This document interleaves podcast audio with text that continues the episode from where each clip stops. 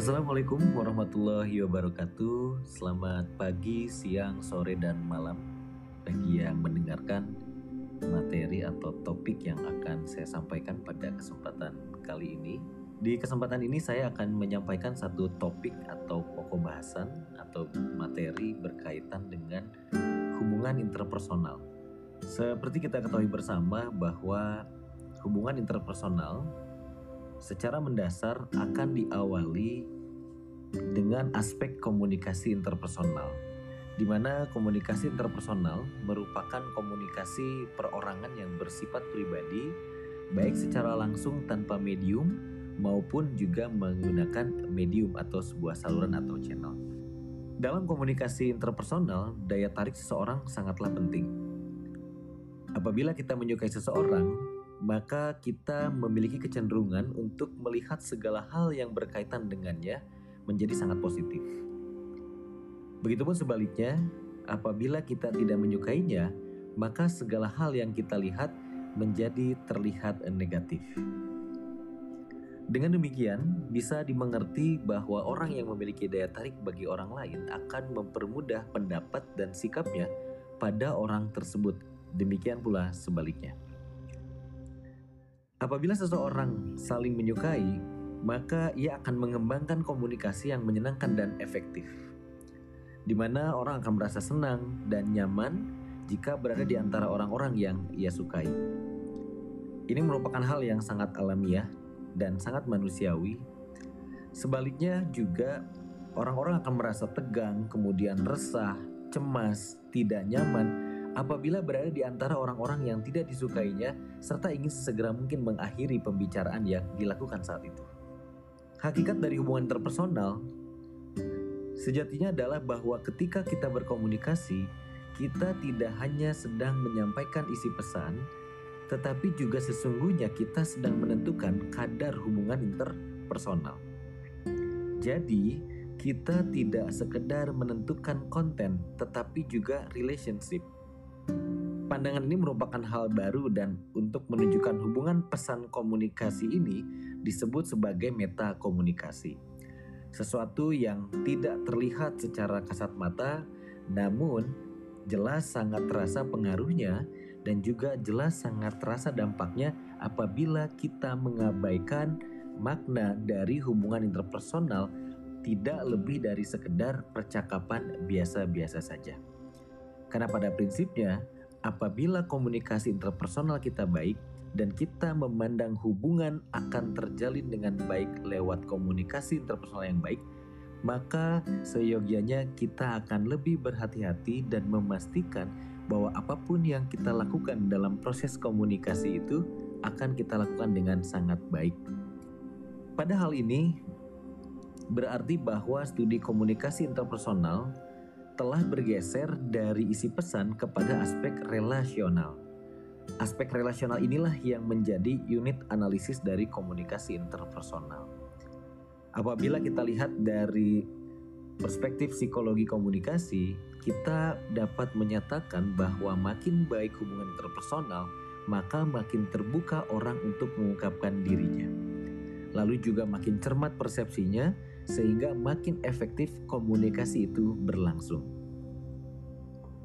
Hubungan interpersonal terbentuk ketika proses pengolahan pesan, baik verbal maupun nonverbal, secara timbal balik terjadi dan hal ini dinamakan sebagai komunikasi interpersonal. Ketika hubungan interpersonal tumbuh, terjadi pula kesepakatan tentang aturan berkomunikasi di antara para partisipan yang terlibat. Selanjutnya saya akan menyampaikan bahwa pada komunikasi interpersonal tercipta efek-efek komunikasi yang ditimbulkan dan berdampak pada perubahan-perubahan sikap dan perilaku seseorang. Yang pertama adalah efek kognitif. Komunikasi memungkinkan kita untuk satu sama lain mentransmisikan informasi yang akhirnya bisa menghasilkan satu pengetahuan. Lalu kemudian juga efek lainnya adalah efek afektif efek yang menimbulkan perasaan senang, efek yang menimbulkan perasaan sedih, efek yang menimbulkan perasaan takut, efek yang kemudian menimbulkan perasaan-perasaan tertentu dari lawan bicara kita. Lalu kemudian juga ada efek konatif yang di mana kemudian ketika kita menyampaikan satu hal atau informasi atau satu bentuk komunikasi maka akan terjadi perubahan sikap dan perilaku dari yang sebelumnya tidak mau mengikuti menjadi mengikuti dari yang sebelumnya tidak terbujuk kemudian menjadi terbujuk dari yang sebelumnya tidak terpengaruhi menjadi terpengaruhi sehingga kemudian perubahan sikap dan perilaku dapat dimungkinkan terjadi. Kemudian selanjutnya saya juga ingin menyampaikan betapa pentingnya menjaga hubungan uh, interpersonal atau membangun hubungan interpersonal dengan baik. Membangun hubungan interpersonal sangatlah penting.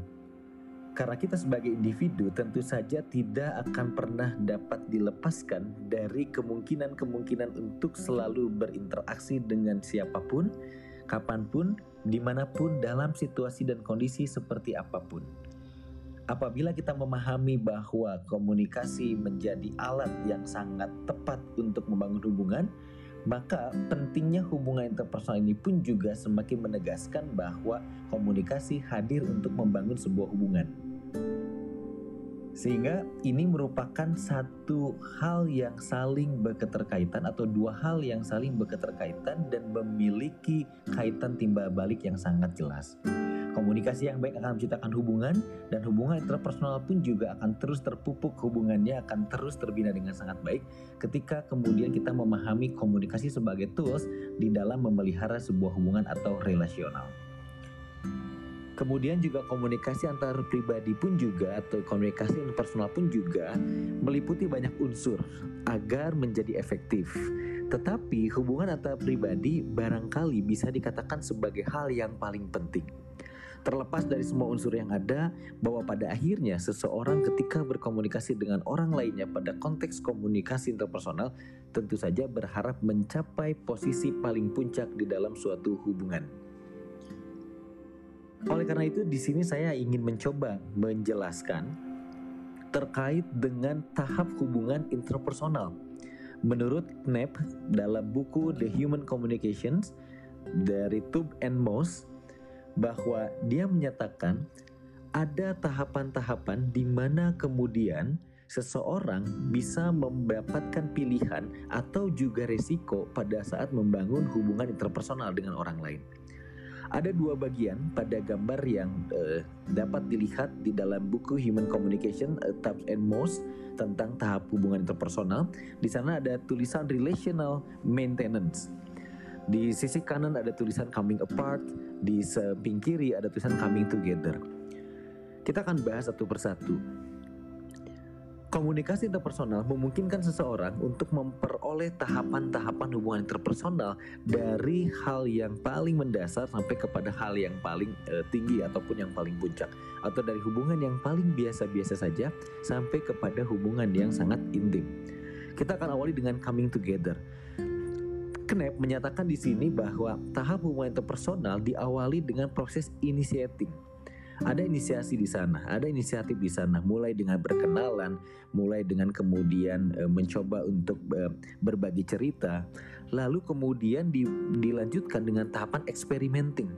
Mulai ada upaya-upaya untuk mencoba menggali lebih jauh informasi terkait dengan e, pribadi seseorang, karakteristik seseorang, informasi yang ingin kita harapkan kita peroleh Demikian pula kita mencoba untuk mulai berbagi cerita, berbagi pengalaman, berbagi gagasan. Lalu kemudian ada intensifying atau kemudian berupaya untuk lebih mengintensifkan komunikasi agar kemudian satu sama lain mulai merasakan kenyamanan. Baik, kemudian pada tahap selanjutnya yaitu tahap intensifying di mana pada tahapan ini, kedua belah pihak mulai secara intensif berkomunikasi, mulai lebih sering kemudian berbagi pendapat, pandangan, gagasan, mulai juga melibatkan perasaan bahwa satu sama lain merasa saling membutuhkan dan mulai ada rasa ketergantungan begitu ya. Kemudian pada tahap yang keempat yaitu tahap integrating, di sini mulai ada persamaan persepsi, persamaan visi, persamaan misi, persamaan keinginan, mulai merasa satu sama lain saling memiliki begitu ya sehingga kemudian mulai ada penguatan dan penyatuan pada beberapa aspek di dalam keseharian. Lalu kemudian pada tahap puncak yaitu tahap bonding atau pengikatan ini biasanya lazim kita jumpai pada situasi atau kondisi di mana seseorang yang kemudian telah melangsungkan satu hubungan selama beberapa waktu lalu kemudian memutuskan untuk menikah. Nah, tahapan bonding atau tahapan pengikatan inilah yang kemudian disebut sebagai tahapan puncak di mana keduanya men menjadi uh, satu kemudian juga berkomitmen secara penuh untuk kemudian memiliki ikatan satu dengan yang lainnya. E, namun demikian ternyata pada tahapan relational maintenance atau pemeliharaan hubungan ini ada fase-fase yang juga kritikal dan sangat krusial sekali begitu ya. Jadi pada saat e, posisi integrating dan bonding ini sebetulnya juga dimungkinkan adanya posisi e, differentiating gitu ya atau mulai ada perasaan hal-hal yang kemudian e, berbeda begitu ya. Sehingga kemudian mulai timbul sedikit perselisihan begitu ya. Lalu kemudian juga ada kondisi di mana kemudian kondisi hubungan mulai terasa stagnan begitu ya. Kemudian mulai terasa begitu e, datar, begitu kemudian menjenuhkan, membosankan, ada perasaan mulai e, sedikit banyak mengalami kebosanan sehingga e, hubungan tidak terasa berkembang dinamis menjadi suatu hubungan yang kemudian membuat e, diri masing-masing pihak kemudian merasa menjadi jauh lebih baik. Lalu kemudian di tahap selanjutnya ada avoiding, kemudian di mana kemudian mulai ada upaya-upaya untuk mulai memisahkan uh, aktivitas kita dengan aktivitas uh, lawan bicara kita ataupun uh, teman di dalam hubungan kita ataupun kemudian tadi orang yang kemudian secara intensif kita bangun hubungan di sana mulai ada semacam mulai menghindari pertemuan-pertemuan mulai menghindari kebersamaan dan hingga akhirnya ada terminating. Ini adalah bagian dari coming apart di mana kemudian ini adalah fase-fase uh, di mana kemudian pemisahan terjadi begitu ya. Sehingga di dalam hubungan kalau kemudian kita tidak kelola dengan sangat baik maka eh, kapan pun bisa saja risiko-risiko yang tadi saya sampaikan bisa saja eh, terjadi. Nah pada hubungan interpersonal juga ada hal-hal lain yang tentu saja harus eh, dipahami dengan sangat baik bahwa eh, hubungan interpersonal juga sering kali dikaitkan dengan eh, konsep diri. Mengapa demikian? Karena konsep diri merupakan faktor yang sangat menentukan dalam komunikasi interpersonal ataupun hubungan interpersonal. Karena setiap orang bertingkah laku sedapat mungkin sesuai dengan konsep pada dirinya. Selain itu juga bahwa saya bisa jelaskan eh, sukses atau tidaknya komunikasi interpersonal banyak bergantung dari kualitas konsep diri eh, seseorang, baik itu konsep diri positif maupun konsep diri negatif. Karena setiap orang lagi-lagi saya sampaikan bertingkah laku sedapat mungkin sesuai dengan konsep dirinya. Seseorang yang mempunyai konsep diri positif maka komunikasi interpersonalnya tentu saja akan baik, yang tentu saja akan berdampak pada hubungan interpersonal yang juga semakin baik. Sedangkan orang yang mempunyai konsep diri negatif maka juga berpengaruh pada komunikasi interpersonal yang kurang baik dan hubungan pun juga akan memburuk. Konsep diri berpengaruh terhadap komunikasi interpersonal. Hal ini juga semakin meyakinkan kita bahwa konsep diri merupakan faktor yang sangat menentukan. Karena eh, tadi disampaikan bahwa konsep diri sangat mempengaruhi konsep diri juga eh, memberikan gambaran kepada kita terkait dengan seseorang eh, terbentuk dia menjadi dirinya melalui pengalaman-pengalaman yang diperoleh dari interaksi dengan lingkungan ataupun juga merupakan faktor bawaan lahir uh, walaupun tentu saja akan berkembang terus secara menerus sepanjang hidupnya melalui pengalaman-pengalaman. Oleh sebab itu, maka masing-masing individu tentu saja akan mempunyai konsep diri yang berbeda. Karena setiap orang tentu saja mempunyai lingkungan dan pengalaman hidup yang berbeda. Nah, dengan demikian, maka hal tersebut inilah yang sesungguhnya mempengaruhi kualitas komunikasi interpersonalnya. Berkaitan dengan uh, hubungan konsep diri dan komunikasi interpersonal, bahwa ada hal-hal yang kemudian ternyata diyakini bahwa sering kali konsep diri juga mempengaruhi kompetensi interpersonal seseorang. Bahwa ketika kemudian konsep dirinya baik, maka kompetensi atau kemampuan dia untuk membangun hubungan secara e, personal itu pun juga akan e, meningkat dengan sendirinya dan akan e, sangat bagus dan berdampak sangat positif begitu. Karena konsep diri sekali lagi saya tekankan merupakan keyakinan, pandangan, atau penilaian seseorang terhadap dirinya. Dan pengalaman pun juga merupakan hasil eksplorasi individu terhadap lingkungan fisiknya dan dari refleksi diri sendiri yang diterima dari orang-orang dekat eh, di dirinya. Selanjutnya, pada bagian uh, terakhir pada topik hubungan interpersonal, Terdapat lima sikap positif yang perlu dikembangkan ketika kita ingin membangun hubungan interpersonal yang baik. Seperti menurut Devito, bahwa ada lima hal atau lima sikap positif yang harus dikembangkan. Apa saja itu? Yang pertama adalah keterbukaan. Keterbukaan merupakan sikap eh, dapat menerima masukan dari orang lain dan berkenan menyampaikan informasi penting juga kepada orang lain. Artinya bahwa seseorang harus rela membuka diri ketika orang lain menginginkan informasi yang diketahuinya. Keterbukaan adalah kesediaan untuk membuka diri, jujur, tidak bohong, dan tidak komunikasi atau hubungan interpersonal, keterbukaan menjadi salah satu sikap positif karena dengan keterbukaan maka komunikasi akan berlangsung secara transparan, dua arah, dan dapat diterima oleh semua pihak yang berkomunikasi. Kemudian poin yang kedua adalah empati. Empati merupakan kemampuan seseorang untuk merasakan jika seandainya orang lain dapat memahami dan merasakan sesuatu yang sedang dialami oleh orang lain, serta dapat memahami suatu persoalan dari sudut pandang orang lain.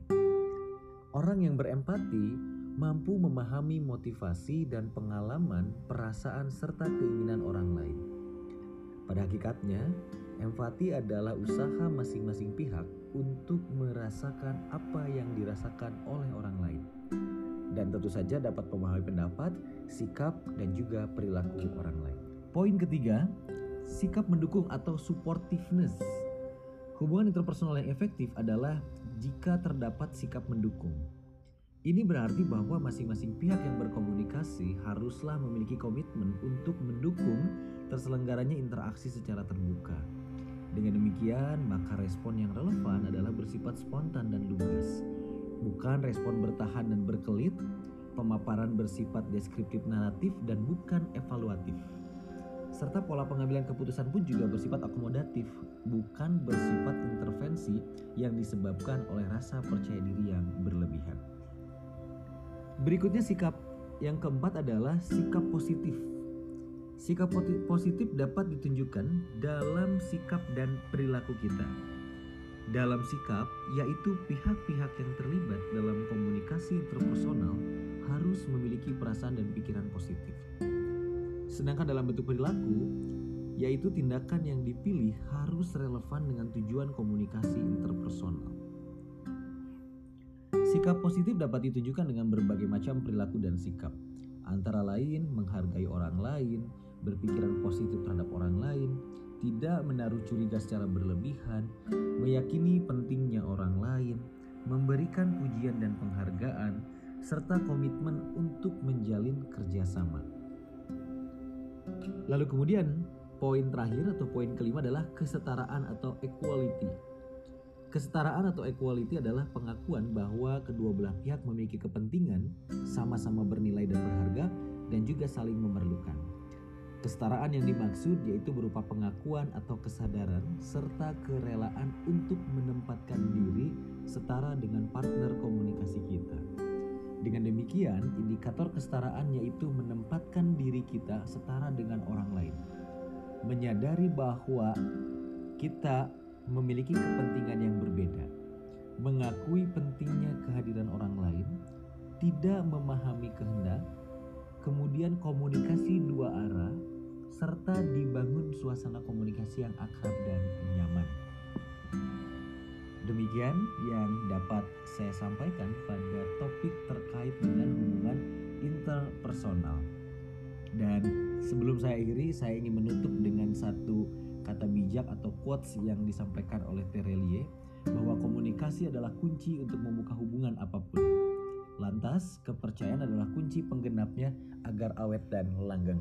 Semoga kita semua selalu menjadi pribadi-pribadi yang senantiasa betul-betul mampu melakukan komunikasi interpersonal yang baik sehingga kita memiliki hubungan yang sangat baik dengan siapa pun, baik secara individu, berkelompok maupun dalam masyarakat yang jauh lebih luas. Itu saja dapat saya sampaikan. Mohon maaf apabila terdapat kata-kata yang tidak tepat dan tidak berkenan. Sampai bertemu kembali di topik yang selanjutnya. Selamat pagi, selamat siang, selamat sore, selamat malam, dan Assalamualaikum warahmatullahi wabarakatuh.